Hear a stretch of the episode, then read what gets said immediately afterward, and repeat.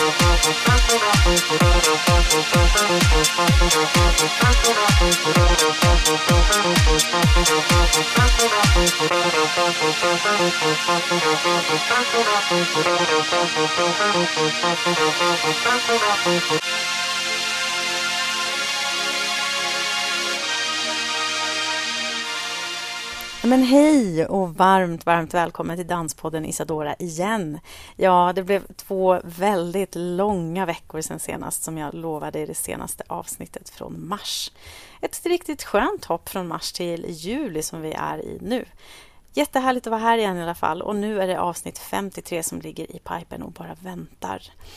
Vanligtvis så brukar vi pausa avsnitten under sommaren för en välbehövlig semester. Liksom.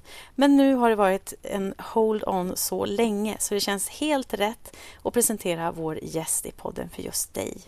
Och du, om du är nylyssnare av podden så kan jag säga att vi som gör Danspodden är jag, Anita MTN, journalist och dansare som intervjuar koreografer och dansare och Niklas Reimert som för det mesta klipper avsnitten. Men just det här avsnittet har jag klippt och klistrat för mig själv. För ett tag sedan så träffade jag i alla fall dansaren och filmaren Susanne Svantesson för att prata om dans såklart. Och vi satte oss i de svala lokalerna på Hallå, Dansmuseet. Men det är bara att gå in i avsnittet nu och lyssna för att få en direkt introduktion av henne. Så vi sätter igång. In med dig bara. Så, hej Susanne Svantesson. Jag brukar säga hela namnet för att välkomna till Danspodden Isadora. Mm, tack. Efter en uh, liten paus som vi har haft i våra avsnitt så ses vi äntligen. Och vi gör inte det hos Danspodden utan vi gör det på Dansmuseet i Stockholm. Och vi har letat lite grann efter det perfekta ljudet här. Satt uppe i um, fiket och så tog vi oss in i museet och nu så sitter vi nere, alltså en trappa ner i dansvallen här. Så att där var ljudet. Och vi sitter också på någon liten bänk här, en, en väldigt mysig, charmig plats.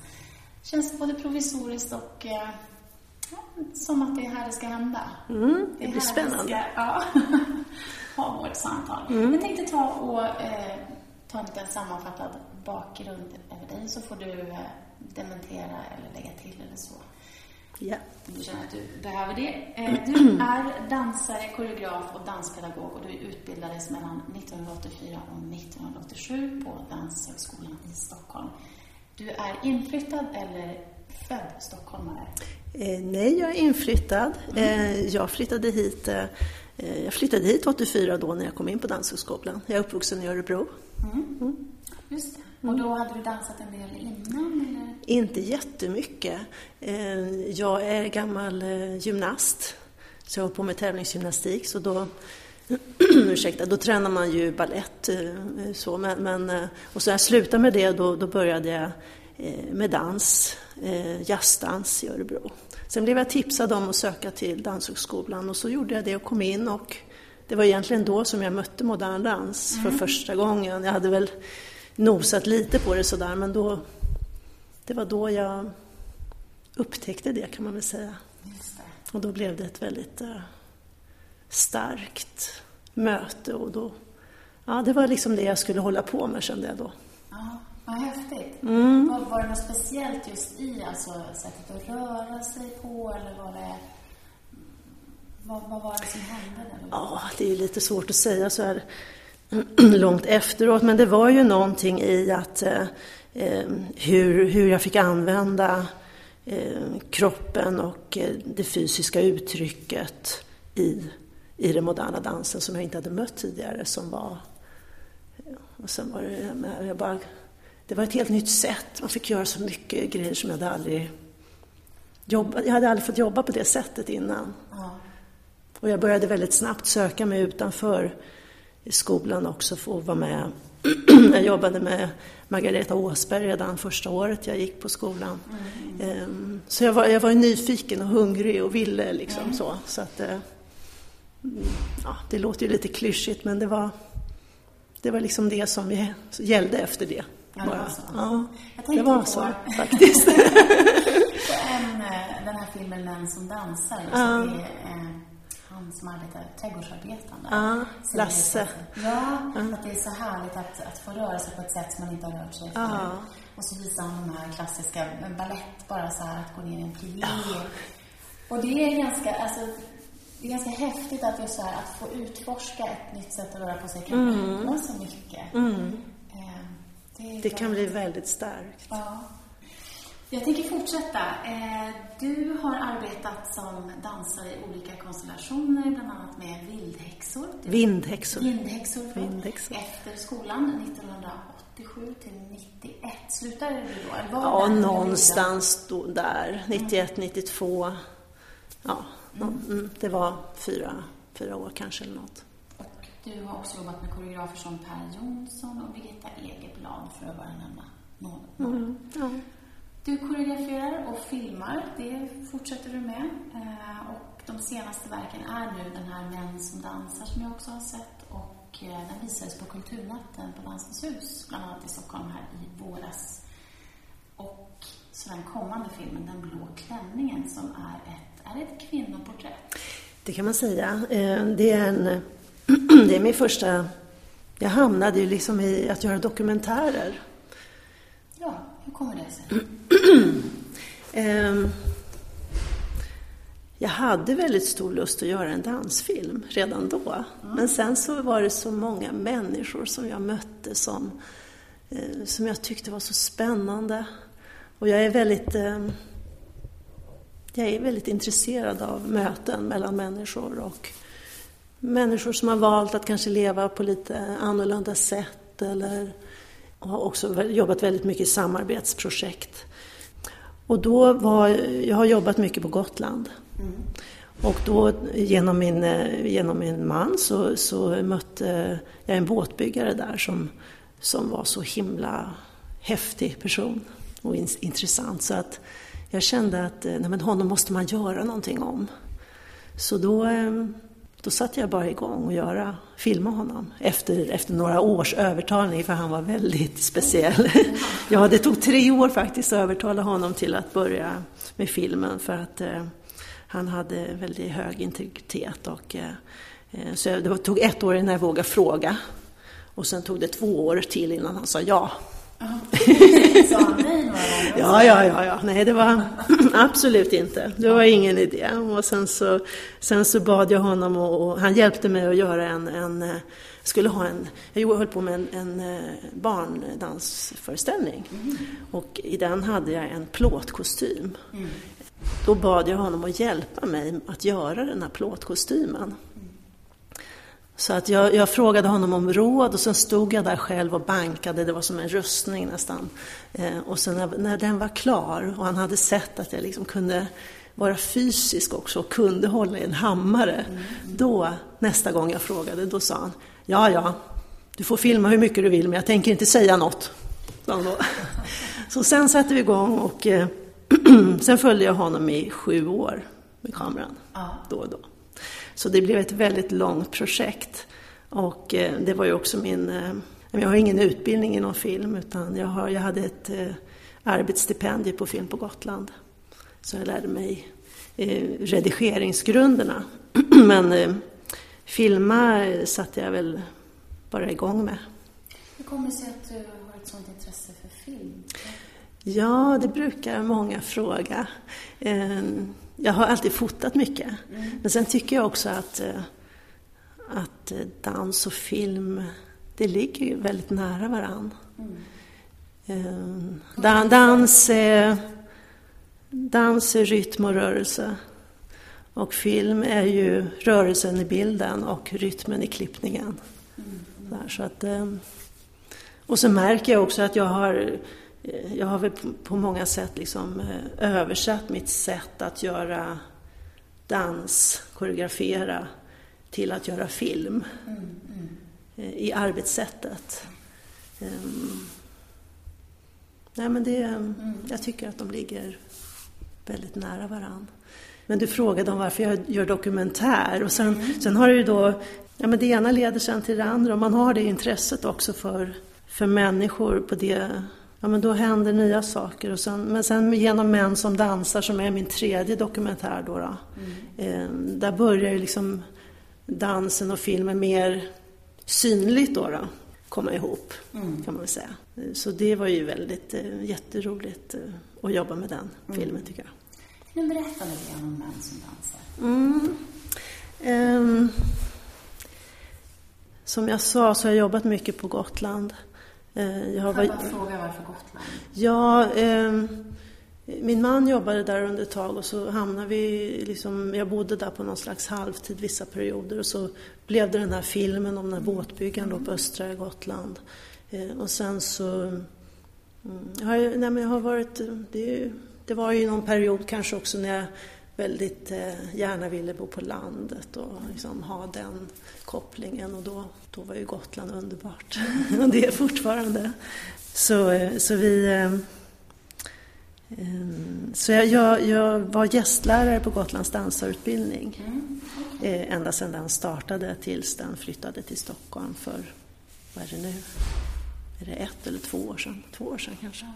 Tiden går fort. Ja. Ehm, och då, den som startade den utbildningen var Helena Högberg mm. som är verksam på Gotland. Mm. Och ehm, då vid något tillfälle när jag var där så, så sa hon till mig att att jag har startat en kurs i, modern dans för äldre män. Du mm. måste komma och titta. Varför har hon gjort det?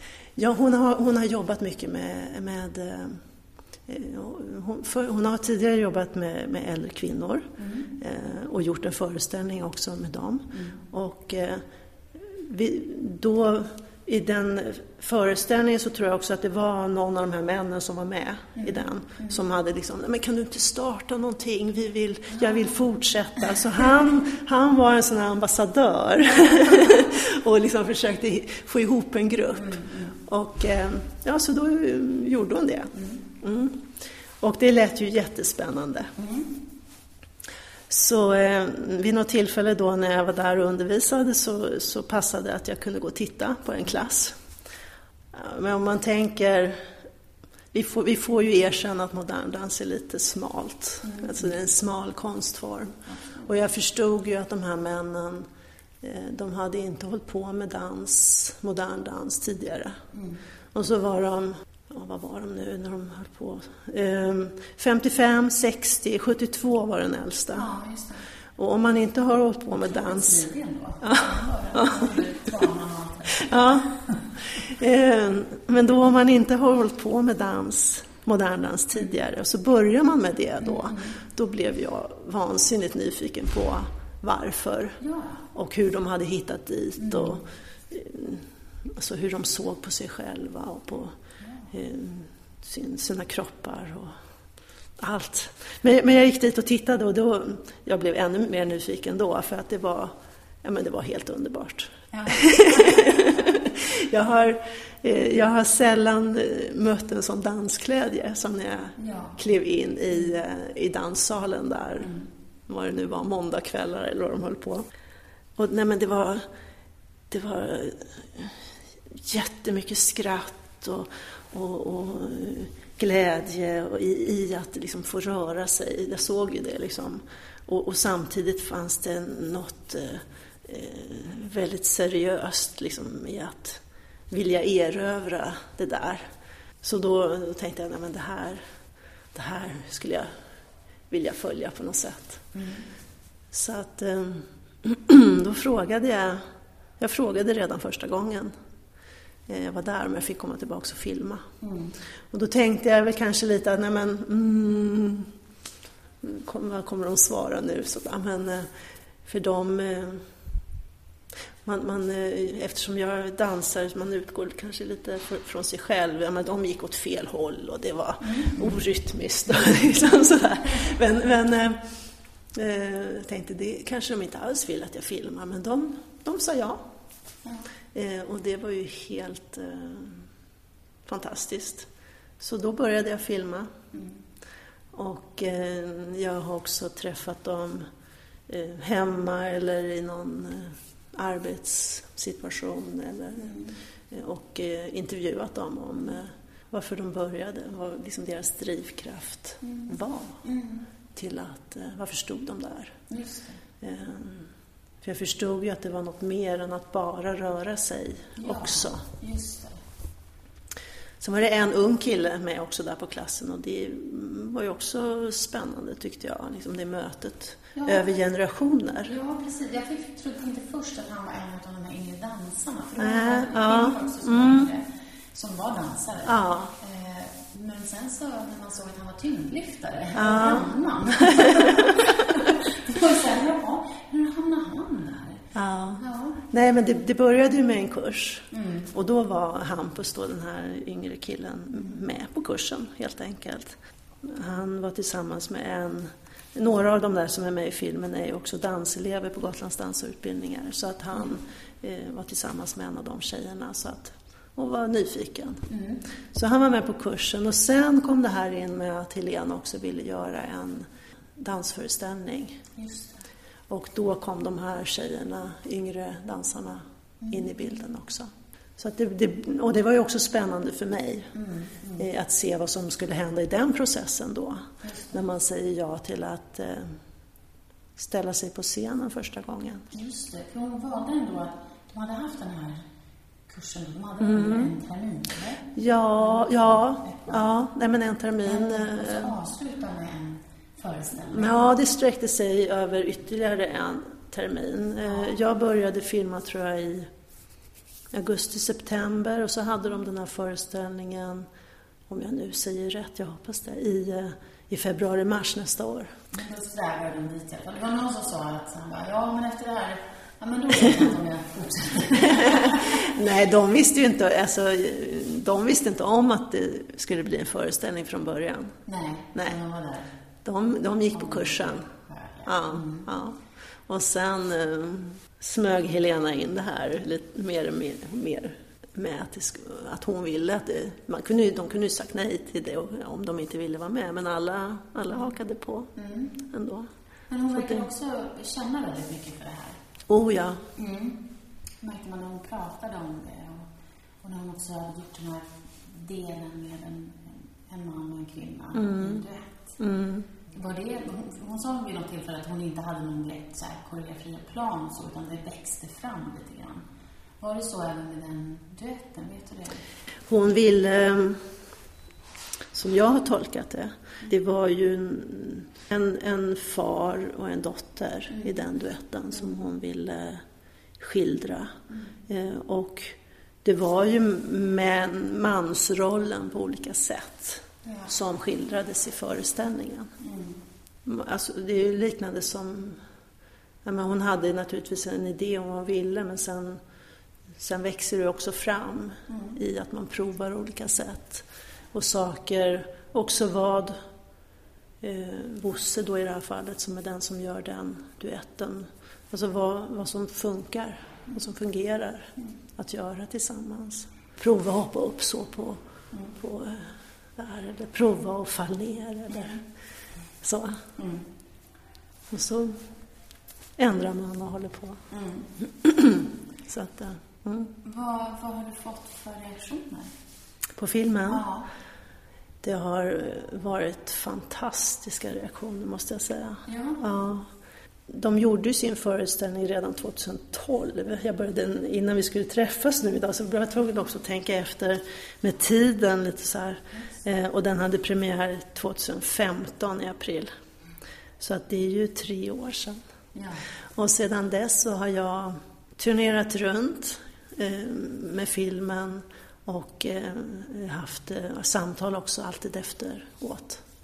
Och mött publiken och det har blivit väldigt, väldigt fina möten och eh, spännande och inspirerande och eh, jag, kanske för att man eh, jag tror att nästan alla hittar något som man liksom kan identifiera sig med i filmen. Så det verkar som att det berör, berör de som tittar. Mm. Är det män eller kvinnor som kommenterar? Allt, alla. Ja. Ja, ja det måste jag säga att det är, det är blandat. Vad är det liksom för det- typ av reaktioner? Vad, vad väcker det minnen till liv? Eller är det så här, det där är så typiskt eller det där känner jag inte igen? Eller? Nej, men jag tror att det är... Eh, jag tycker att de här männen är väldigt modiga. Och det har jag själv funderat mycket över. Är det liksom med åldern? Nej, men jag tror att det är ehm, Dels att man kan känna igen sig själv. Jag, jag, den, här, den där är ju, det är ju en film om dans men, men framförallt är det ju en film, tycker jag, ehm, om ett förhållningssätt till, till livet. Om att inte ehm, stelna i några former, att våga prova nya saker. Att, och också som jag tänker själv att när man blir äldre, eh, vilket jag kan tycka är ganska befriande själv också i att liksom vara lite äldre dansare. Eller, att, ja, men det, är inte så, det är inte så blodigt liksom. Man kan våga testa. Och, ja, men de har ju kvar någon nyfikenhet. Mm, mm. Och det är ju också som, som den här unga killen i filmen säger till exempel att ja, men jag hoppas att jag blir så där när jag blir äldre. Ja. liksom, de, de har inte stelnat sådär.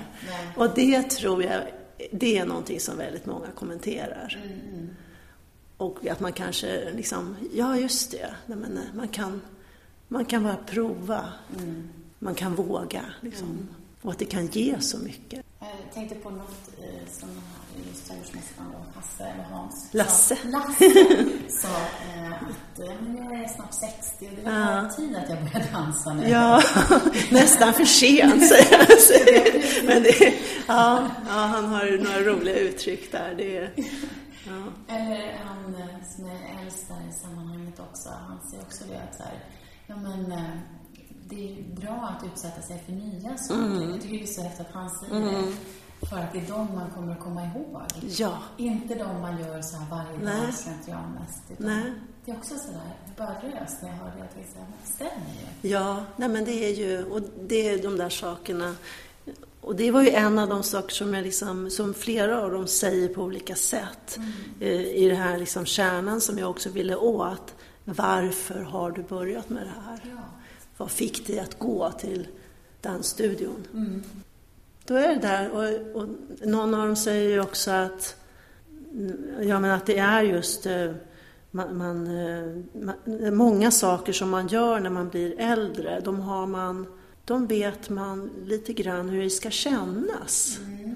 eh, när man gör det. Man vet vad man förväntar sig eh, och lite grann hur jag kommer att kunna hantera det så här. Mm. Men det här var någonting som, som man inte kunde han kunde inte föreställa sig hur det skulle bli. Nej.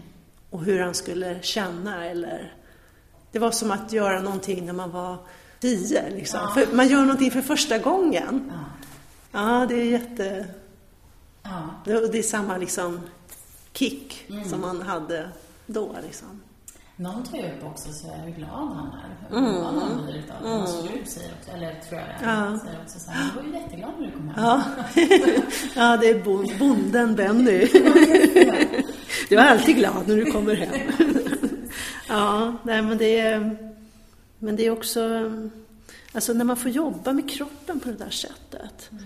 Alltså det är ju, det handlar ju också nästan naturligtvis om att skapa en det handlar väldigt mycket om tillit naturligtvis, om att skapa en plattform, att de som är där i rummet vågar. Mm. Eh, och det gör ju Helena fantastiskt bra. Mm. Eh, men att man då får, får jobba med kroppen på det sättet utifrån sig själv. Jag är jättefascinerad av, av det. På, på sitt sätt och utifrån sina egna förutsättningar eh, seriöst. Liksom. Mm. Då blir det ju ja, men det blir otroligt vackert tycker jag. Mm. Och starka uttryck och eh, hänförande att se när de rör sig mm. i de här improvisationerna och, och så. Just det. och det här med att här, man tar steg och så blir det rätt och så tar man steg och så blir det fel. Och det är också spännande, ja. säger hon vid något tillfälle. Mm. Det är också häftigt. Mm. Mm. Jag tänker på att alla dansare som jag har pratat med, koreografer och liknande, som har nått en viss ålder, alltså i vilken genre som helst, spelar ingen roll om det är kommersiell eller om det är modern dans eller så, så säger nästan, eller de säger samma sak, att det händer ju någonting oss, när vi får alla den här erfarenheten, mm. så man går kanske från att vara väldigt duktig, ja. alltså rent fysiskt, man är väldigt snabb, eller vad man nu har för egenskaper, när man är yngre och sen så förfinas de, men genom att man blir mer kär också. Oh, ja. Och erfarenhet och så. Mm. Och då mognar det. Och sen när jag eh, pratat om Buto till exempel, mm. Så där kan man ändå se hur man också värdesätter den åldrande människan, själen och kroppen på ett annat sätt. Och frågan är då var vi är idag, för jag tänker på, alltså även i det här västerländska då, om vi ska kalla det, för där, det kommer ju mer ändå. Det känns mm. som att vi pratar mer om det här med age on stage ja. och allt det här. Var, var tror du att vi är på väg?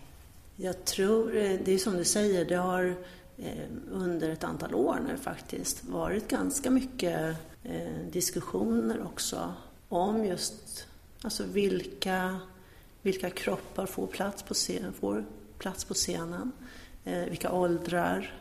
Jag tror att det kommer bli ännu mer så. Jag hoppas det i alla fall, för att jag, jag tycker ju själv att det är mycket mer spännande att se föreställningar där man verkligen använder sig av människorna och deras erfarenheter. Mm.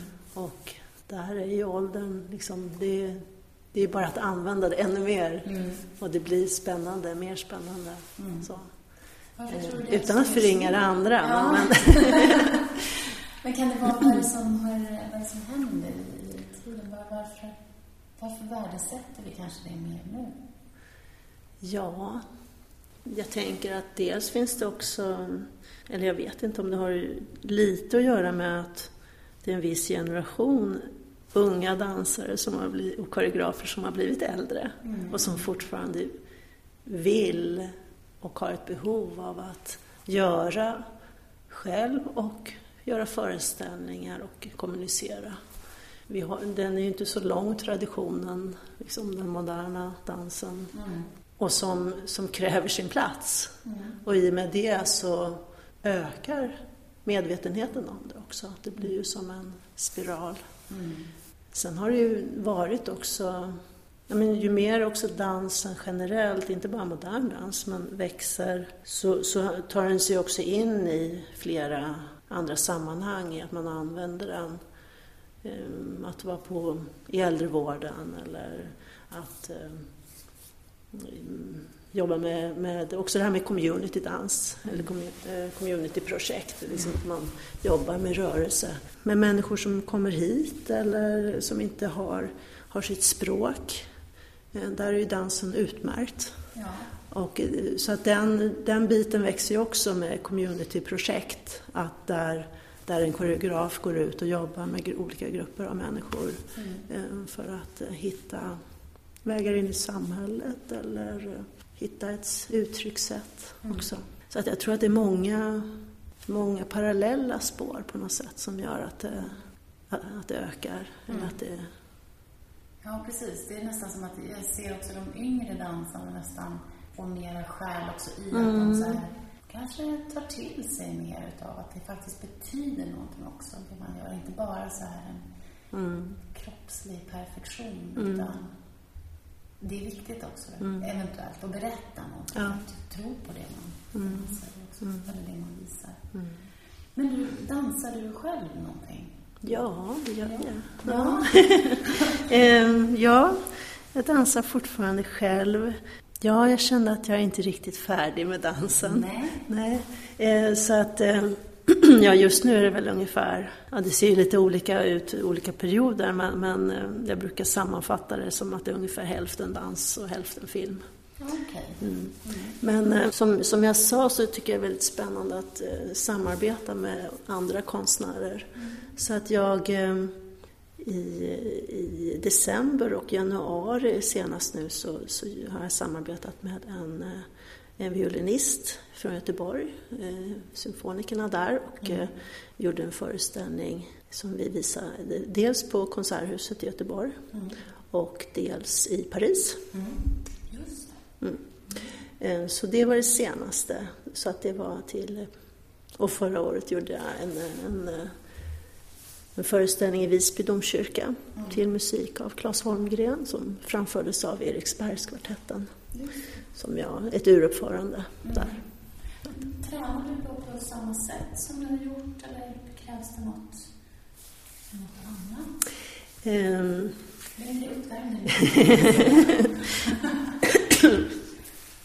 ja, man måste, man måste kanske vårda sin kropp lite annorlunda än vad man gjorde när man var 20. Mm. Nej, men jag tränar i, Vi pratade, eller du nämnde vindhäxor där från mm. början. Alltså det Eva Lundqvist som, som eh, hade vindhäxor, hon har också utvecklat en teknik ja. som heter vindhäxors teknik. Det är en svensk vår enda svenska teknik. Ja, men det är lite ja. av mina frågor. ja. Ja, det kan vi göra.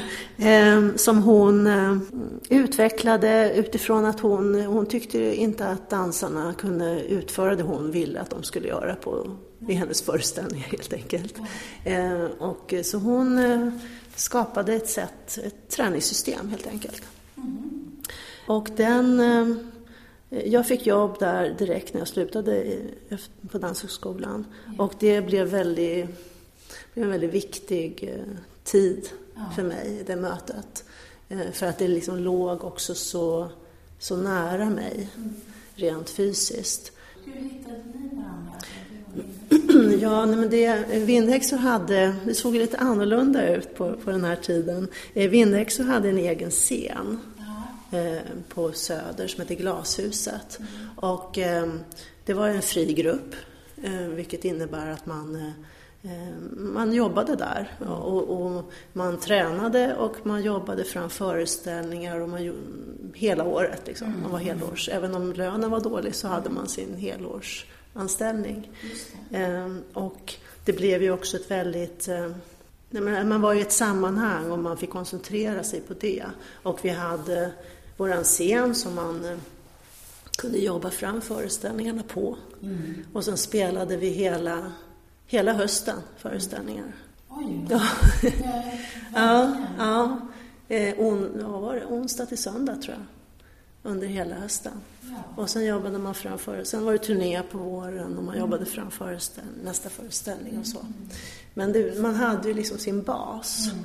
Och eh, där var också då den dagliga träningen som vi, vi har för dansare ja. låg på glashuset. Mm. Så på, på morgonen var det liksom en klass och, så, och om det inte var klass så, så värmde vi upp tillsammans och mm. gjorde den här träning, träningen. Och sen så repeterade man på eftermiddagen. Och, och mm. ja. Mm. Så, så man hade sin vilket är en väldigt stor skillnad från hur det funkar idag.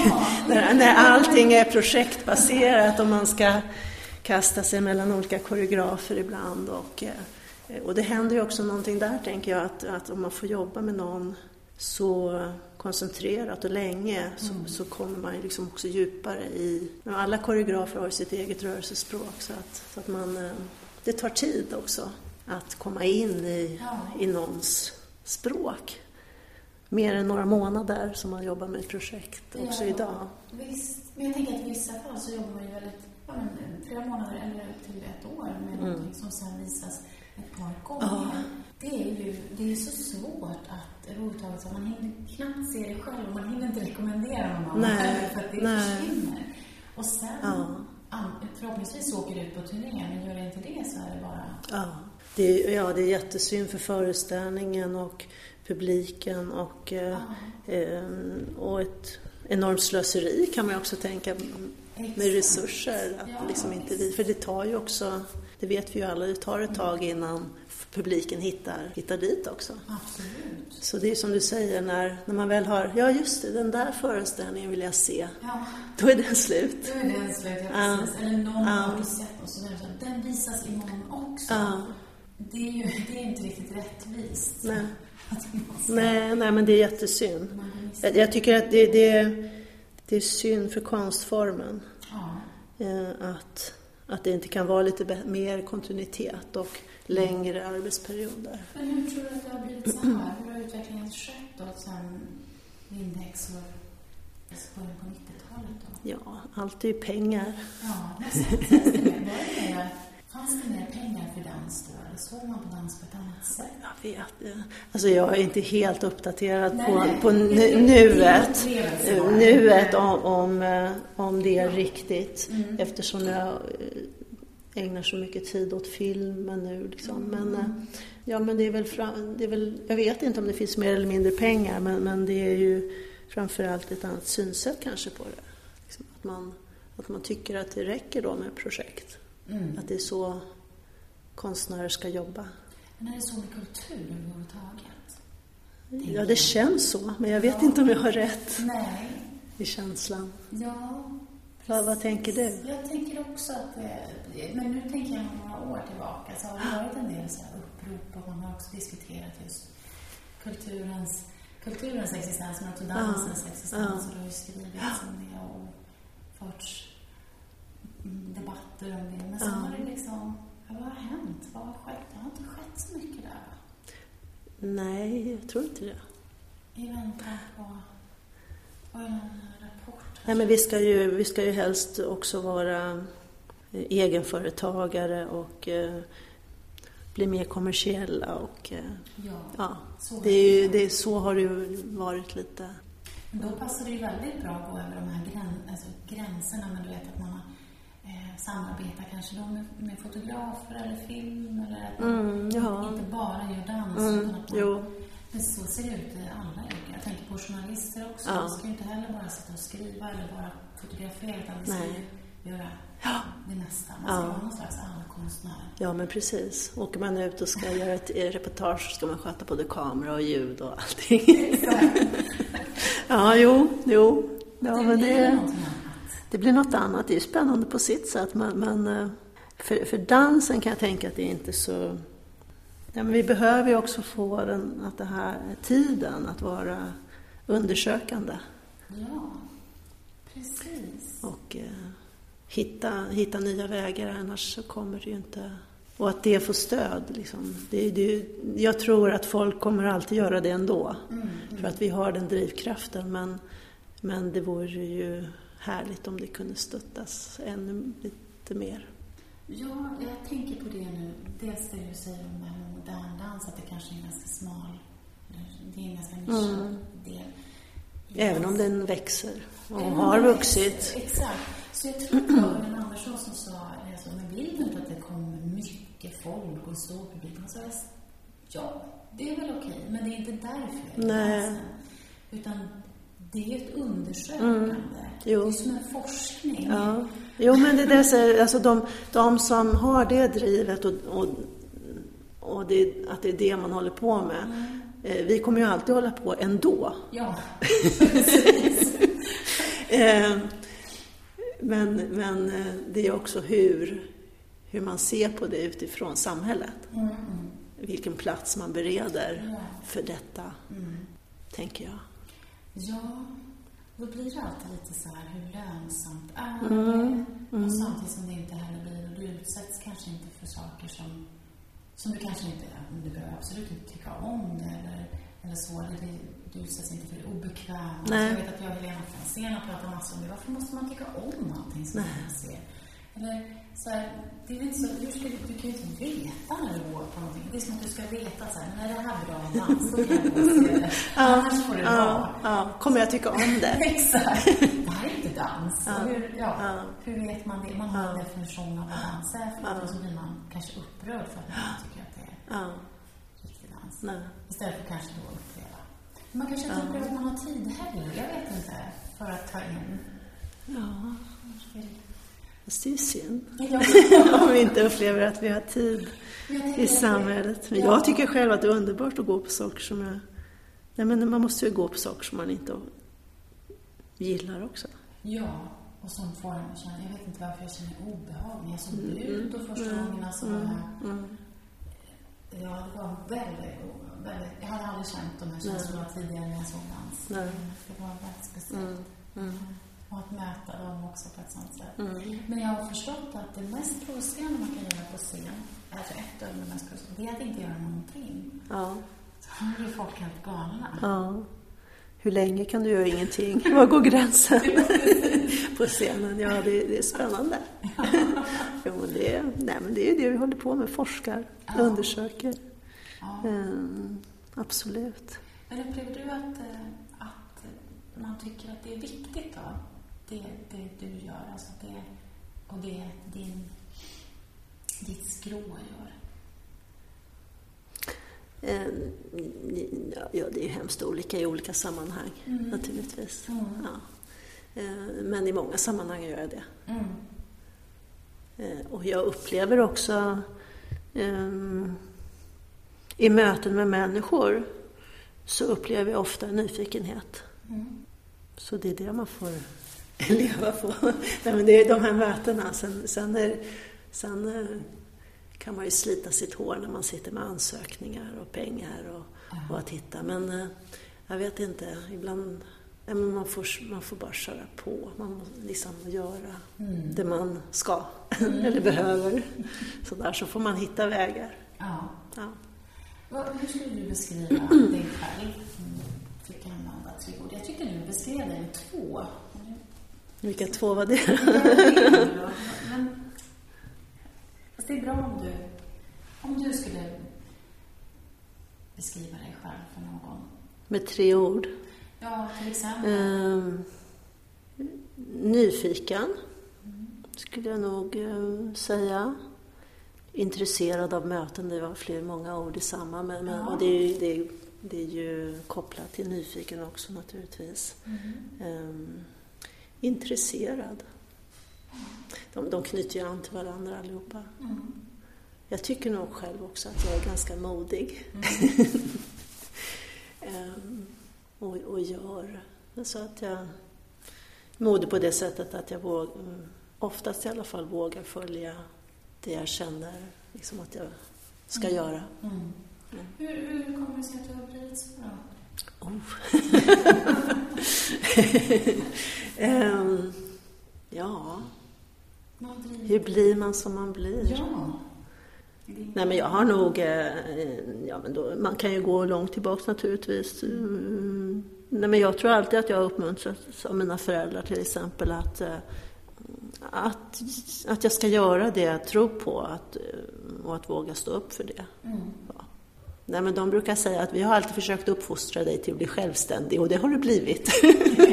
Så att, ja någonstans kommer det väl mycket därifrån. Sen beror det ju såklart på vad man möter på vägen också, ja. vad man hamnar i. Men äh, jag vet inte, jag har tänkt ganska mycket på det där. Liksom, hur man, då är vi tillbaka där, där vi började, mm. när man, mötet med varför blev det så starkt? Och, mm. och, och, så, jag tänkte på det igår också, för ibland, ja, men det, är ju, det är ju en tuff, eh, det är en tuff arbetssituation. Och jag har frilansat i över 30 år, slog det mig då. Mm. Och så tänkte jag, ja men om någon skulle fråga mig om jag skulle göra det igen så skulle jag, ja det, skulle jag göra. Mm. och, då, och det är väl också ett tecken på att man liksom, eh, trots att det är liksom ekonomiskt svårt så, så är det ju så eh, givande och starkt också. Ja. Det, det blir ett sätt att leva. Mm. Vad var frågan? ja. Mm, ja. ja. Nej, men att våga följa den där vägen, tror jag. Ja, det är ju mod. jo, ja. Och, och nej, men det här med film också. Jag, det, ja, ja, jag bara började. Så att det, mm. nej, men det är ju någon slags... Um, att det här vill jag göra och så, så försöker man hitta något sätt att, att genomföra det. Men visst, det ja, mm, men, men det är inte så lätt. ett sätt att visa att det går. Ja. Vill man, ja. så, man brukar ju säga det, vill man så kan man. Eller, ja, ja jo. Det, inte, det stämmer med ja. viss modifikation. Mm. Men ändå, att det ja. faktiskt, de mm. exemplen finns och du mm. är ett sådant exempel. Mm. Man gör Tack. det. ja. Och med det sagt så kan du berätta om äh, Den blå klänningen. Mm. Som är då, den har inte haft premiär men det är en Dansfilm? Ja, nu, nu ska jag då göra min första dansfilm har jag tänkt. Mm. Eh, ja, det har varit en jättespännande resa. Det blir ju min första kortfilm, dansfilm som inte är dokumentär. Eh, då, då. Eh, och ja, men det, det, har nog snurrat omkring en massa saker i mitt huvud tror jag. Och sen var det olika, som jag själv i alla fall upplevde det, tillfälligheter som, när, liksom när allting föll samman. Jag eh, hörde ett radioprogram där de pratade om eh, Camille Claudel som är en fransk eh, skulptris. Fantastisk skulptris. Och, sen, och då pratade de om en, bok där och så köpte jag den som heter just Den blå klänningen. Och så läste jag den här boken och, och det är en väldigt poetisk skildring av hennes liv som mm, hon hade ju ett otroligt tufft liv kan man säga. Hon blev inspärrad på mentalsjukhus och satt där i 30 år mot slutet. Och den här boken skildrar framförallt den tiden. Men på ett väldigt poetiskt sätt. Och när jag läste den här boken då fick jag jag fick så mycket bilder och det, det blev en rent kroppslig upplevelse i mig. Mm. Eh, och sen hade jag, återigen, när vi är tillbaka på Gotland, några, några platser där som jag liksom har sett att men här, här vill jag göra något. Jag hade velat göra en dansföreställning där men det är lite svårt. Så, så nej men det är där. Det är där Camille är. så. Och sen eh, är det då en gotländsk dansare som heter Unn Dahlman som hade uttryckt att ja, men jag, jag skulle gärna göra någonting med dig. Så att det var liksom lite olika sådana där som, eh, ja men nu, det, det, är där hon är och Unn kan dansa och vi, vi provar. Så vi, vi eh, satte igång och, och filmade det här. Den, jag brukar säga att den är inspirerad av henne, men, men eh, den är en, eh, en poetisk inspiration av hennes liv. Eh, alltså det, det, var mycket de här känslorna av liksom att vara inspärrad. Liksom vad, vad händer när man förlorar sitt... Hon förlorade ju sitt konstnärskap. Liksom. Hon, hon skulpterade aldrig mer igen efter hon blev inspärrad där. Så satt hon där i 30 år. ja, det, ja, och nästan ingen hälsade på henne, bara hennes bror. Eh, väldigt, med väldigt långa, många, många år emellan. Just det. Vad har man utgått ifrån för material när man har skrivit den här boken? Eh, brev och eh, ja, olika sådana saker som, som hon skrev. I, I den här boken så skildras det också hur hon, hon skrev långa, långa, långa brev och vädjade om att hon skulle få komma ut därifrån. Och till slut började hon sy ihop de här breven för att det var så många ark och hon var orolig över att de inte skulle hålla ordning på dem. Så att, eh, nej men eh, så det, det, är väl mycket det som eh, man har utgått från. Så, så det blev väldigt många, mycket liksom rörelseinspiration i mig. Den här. Alltså blir man apatisk, blir man galen, blir man alltså frustrerad. Och, ja. Mm, så att det har vi jobbat utifrån. Mm. Så. Och, så jag har filmat på två olika ställen på Gotland och sen har vi också varit Eh, varit i Paris. Mm. Eh, de har öppnat den. Hon var ju, hon var ju elev till Rodin mm. och också hans älskarinna. Eh, men sen, när hon, sen var det under en lång period var det nästan ingen som kände till henne. Man, när hon blev inspärrad där och långt in, in på 80-talet var hon nästan okänd. Liksom. Man hörde inte talas om hennes verk. Liksom. Men nu har det blivit annorlunda och nu har de förra året tror jag var öppnat ett museum till och med i, eh, i en stad lite syd, sydost om Paris. Mm. Så där har jag varit och, och, filmat och lite i Paris i hennes, eh, på hennes gård där hon hade sin ateljé. Och så så det är spännande. Så den håller jag på och klipper nu. Ja, jag tänkte ja. den är, den är inte färdigklippt. Nej, den är inte färdigklippt. Jag, det har eh, sista kvar och eh, eh det har också en kompositör som heter Karin Bartok Edström. Hon har skrivit en stråkkvartett mm. Eh, till filmen. Så vi har under hösten så hade vi, jobbade vi mycket liksom tajt med, med materialet och, och, hennes komponerande och så mm. spelade vi in musiken i december. Den, den här, samma stråkkvartett, Eriksbergskvartetten, mm. spelar in den. Mm. Så nu är det det sista slutet här. Vad händer sen då? Vad, vad kommer du att se den?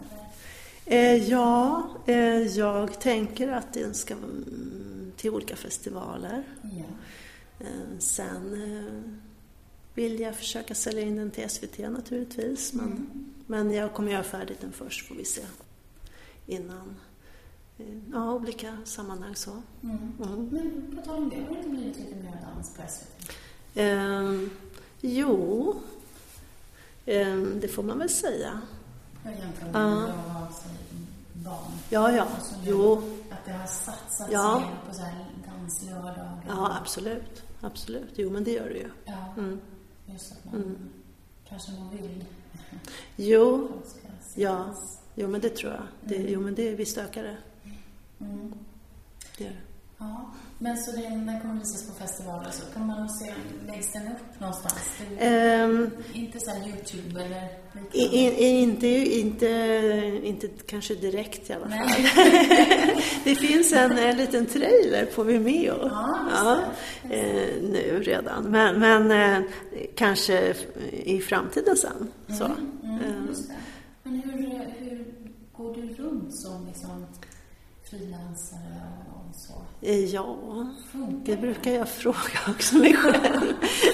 Jag ställer till alla. för Ja. Vill gärna veta hur det ser ut. Alltså. Nej, men jag har... eh, um, dels har ju undervisningen varit en, um, en inkomsttrygghet så, som har funnits där regelbundet. Eh, Jag har, jag har alltid haft de här fl- flera olika benen att stå på. Eh, eh, undervisning och så dans. Nej, men jag har hela tiden haft, eh, och som jag också tycker berikar varandra väldigt mycket, att, eh, att jobba som dansare, koreograf och pedagog. Mm. Eh, Det ger olika saker och, och tillför varandra olika saker. Mm. Eh, Så att, men, eh, men undervisningen har naturligtvis varit en, eh, också en inkomstkälla. Mm. Eh, och att det har varit en grund och sen har det andra kommit ovanpå. Just så. Eh, så att, eh, men sen nu har ju också, i och med att män som dansar har blivit, eh, gått så bra, Mm. så, har, så, så kommer det också in då pengar efteråt och så lite stöd här och var sådär. Så att det är ett pusslande kan man väl säga.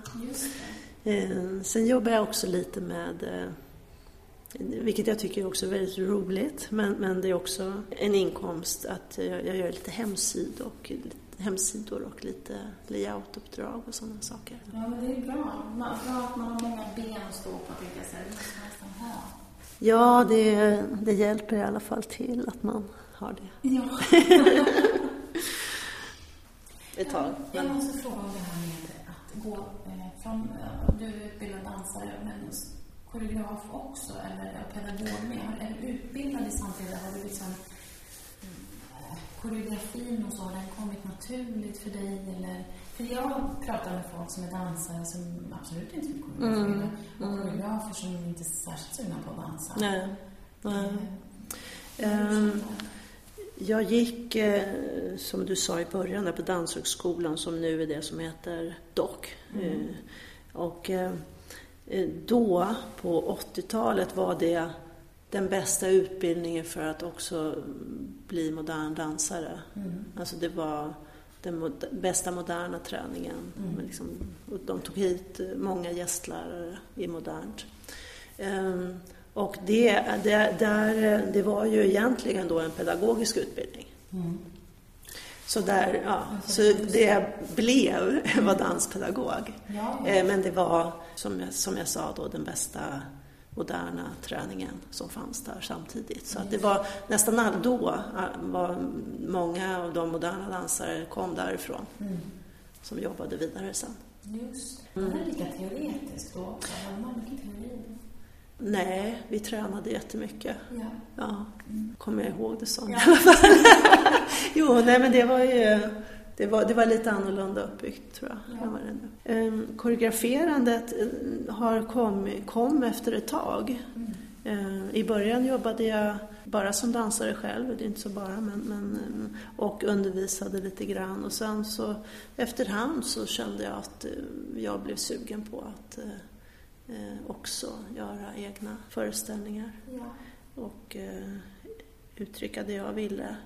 Eh, och också som jag sa, mycket, mycket samarbetsprojekt med andra. Mm. Som, det, var ju, det var ju under en period också ganska mycket man, liksom, man gjorde, alltså många koreografer gick ihop och man hade, gjorde en stor föreställning på Svartsjö slott till exempel när det var många involverade. Liksom. Men Det, var, det var mycket sådana möten under ett tag. Mm. Och också i, på Gotland i, i, i ett kalkbrott där som det fanns en grupp konstnärer och, och koreografer och så som gjorde.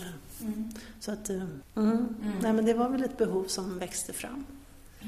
Och som jag sa, jag tycker att de, olika sakerna verkligen har berikat mig. Men, men eh, det är inte alla som känner att man vill göra alla de bitarna naturligtvis. Nej, precis. Mm. Det vet jag att Johannes Öhman som var rättschef här tidigare nu innan han eh, flyttade till Berlin. Han sa just det, för jag var så här, varför, varför har du inte koreograferat någonting? Han sa, men det är inte för mig. Nej, Jag kan inte koreografera. nej, jag vill inte. Har Nej, inget behov. exakt. Så det är så här, det är inte något, men, men är man lekman så kan man nog tänka sig, ja men koreografi, det är nästa steg. Ja, nej men det ett behöver steg inte alls vara. Nej, precis. Nej. Det, det tror jag kan vara bra att, att säga det, att berätta det. Ja. Men Så funkar det faktiskt. nej, nej, det behöver det absolut inte vara. Nej. Men om vi skulle avsluta med, eh, om du har någon sån här, när du skapar verk till exempel, eller film, eller, eller när du dansar, är det någon, tänker du på någon som du vill nå med det här? Om man säger så här, i, i vissa fall så plockar man fram personas till exempel för att man vill prata med en viss typ, eller man vill här, har du någon sån, någon sån typ? Nej. Nej. Nej, nej men jag vill... ja. Nej men alltså jag vill ju kommunicera naturligtvis. Mm. Eh, och vill att människor ska bli berörda. Men, men eh, vem det är som blir berörd eller... Det tror jag inte är viktigt. Nej. Jag tycker att det är väldigt roligt att möta, alltså, det är väldigt roligt att möta en publik som, som kanske inte visste att de skulle bli så berörda. Mm. Eh, som inte har mött det tidigare. Och så har det varit väldigt mycket med, med den här filmen, Män som dansar. Och det har varit kul tycker jag. Ja. Jätteroligt. Och där hade du inte heller någon tanke kring så här, men jag vill att Nej, nej. andra män ska se det här och tänka, åh, jag vill också dansa. Nej, inte bara andra män, alla människor ska, ska vilja prova. Mm, nej, i- ingen... eh, Nej. Mm. Nej, ingen specifik ålder. eh, Om den kan inspirera så får den gärna inspirera vem som helst. Mm. Det är faktiskt många som säger det, alltså just på den här frågan. Det är så här, nej, jag vill inte låsa mig vid Nej. någon. Eh, och jag vet inte. Jag, jag skapar inte för det, utan jag skapar för Ja. så olika. Ja, alltså det är en annan drivkraft, tror jag. Mm. Eh, varför... Sen blir man ju jätteglad när det berör naturligtvis. Mm. Men, men det, det, det, det är häftigt när man möter eh, människor som, ja, men som, som har kommit till den här filmen kanske och så tror de att det ska vara en viss sak. Så blir de berörda av något helt annat liksom och så, och så kan de säga ja men gud, nu får jag lust att prova. Ja men det är ju fantastiskt. Mm. Finns det några kurser någonstans? alltså, Ja. ja, och, och det eh, kanske de inte hade tänkt när de gick dit. Det var också, på tal om det vi pratade om tidigare, att eh, äldre kroppar får ta mer plats kanske på scen och så. Gjorde en intervju med en koreograf som hade koreograferat kvinnor, äldre kvinnor då, som fick berätta sin del, jag tror på Göteborgs, Göteborgsscen, Atlanta. Atalanta. Atlanta, precis. Eh, och sen har jag också varit på SVT för något år sedan om, om Tornedalsmän. Jag är från Tornedalen själv, så Jaha. för mig så blir det Mm, väldigt mm. nära hemma. Och jag känner igen just den här, vad ska man säga, den klysch... Ja, klyschiga bilden. Ja, utav Tornedalsmannen. Eh, så det är ändå, det, som sagt, det finns ett sånt intresse. Det känns som att det bara bubblar. Mm. Kommer det att startas sådana där danskurser Ja. runt? Jo, nej men jag har ju varit eh, på flera ställen där, där, eh, eh, där de också har i Uppsala till exempel, då var jag på, eh, på Dansfikat eh, och eh, på Fyrisbiografen och då ordnades det också en, en workshop för män i samband med, inte samma, alltså dagen efter eller någonting, med, med eh, att man fick prova. Ja. Så att det, det, ja, men det ligger och bubblar där någonstans. Mm. Mm, det tror jag. Jag hörde en ung kvinnlig låtskrivare som, som, på en podd idag som sa så här, men jag försätter mig i situationer där jag blir extrem, alltså där jag blir arg eller glad eller ledsen för att så här, kunna skriva de här texterna som jag skriver. Annars skulle det inte hända. Eh, och då tänker jag att vi har alla olika så här, knep för att hitta den här inspirationen. Nej, men jag tror att ja, men inspiration är bra. Mm. Det är jätteviktigt. Mm. Eh, men, men jag tror inte bara på inspiration. Utan det är också jättehårt arbete. I mm. att, eh, och att liksom just eh, skapa en plattform eller skapa ett rum för att saker kan få hända. Att skapa utrymme, skapa tid, skapa stillhet så att det kan få komma nya saker. Vi brukade skoja med en kollega, för, eller skoja med långt tillbaks i tiden, där på danshögskoletiden. Och vi sa, men, men man går in i en studio och man är där. Mm. Eh, sen kanske man äter ett äpple och efter två timmar så lämnar man studion. Men det har hänt någonting, även om det kanske inte har hänt synligt. Eller där mm. man, eh, det kommer på något annat sätt sen. Ja. Att man måste man måste, skriver man så måste man sätta sig där vid och skriva. Mm. mm. Dansar man så får man gå in i studion. Ja. Ska jag klippa film så får man sätta sig där liksom, och klippa och sitta. Ja. Mm. Och vänta ibland eller... Det är ju mycket väntan. Alltså... Ja. väntan och prova. Och, ja. um, och där har man väl också olika arbetssätt tror jag. Alltså jag har ju, alltså i dansen och i att skapa dans har jag använt jättemycket av improvisation. Mm. Och att liksom våga kasta om eller bygga. Så, det, så märker jag ju också att, jag, att det har jag också tagit med mig in i filmen, att själva skapandet Filmen skapas ju också mycket i klippningen. Mm. Och att det skapandet där är liksom ändå på något sätt improvisationsbaserat eller vad man ska säga. Mm. Just det, du hittar en rytm. Ja, man... Man sätter ofta förhoppningen till någon slags, men jag måste jag är inspirerad och då ska jag göra det här och det här. Och det är lite klyschigt det också i sig att man pratar om så här inspiration och vad som driver en så.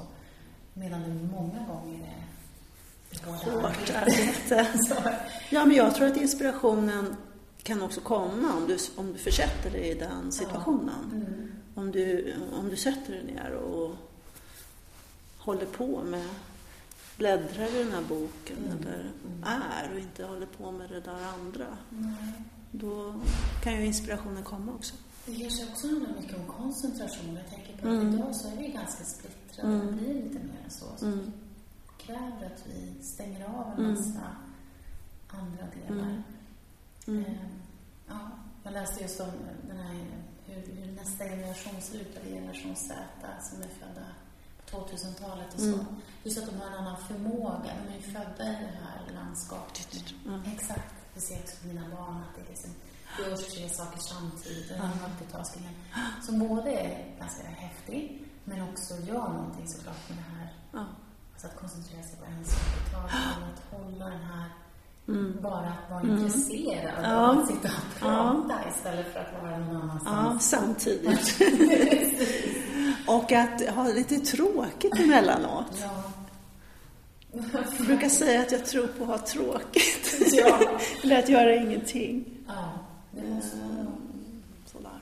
Då får man hänvisa till en tillförlitlig källa som så här Alfons Åberg och så. Hans farmor där säger ju att de måste ha tråkigt mm. någon gång. Det brukar jag säga till mina barn. Så de bara, ja, kanske.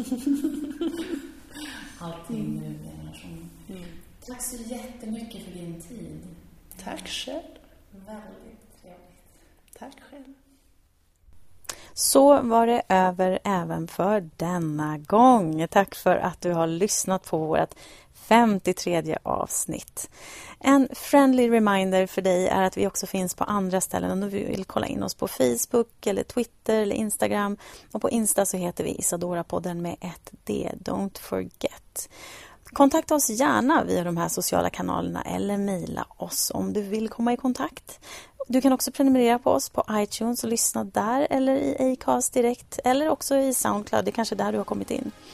Du kan lyssna på alla avsnitt som har kommit ut och ladda ner dem för att lyssna när just du har tid till exempel. Det passar väl bra nu under sommaren när man ligger och latar i solstolen eller kanske skumpar fram i en varm buss. Men ha det så gott och vi hörs. Vi håller faktiskt på att förbereda avsnitt 54 som är treårspodden eftersom vi faktiskt har hållit på i hela tre år. Hurra! Och vi hörs!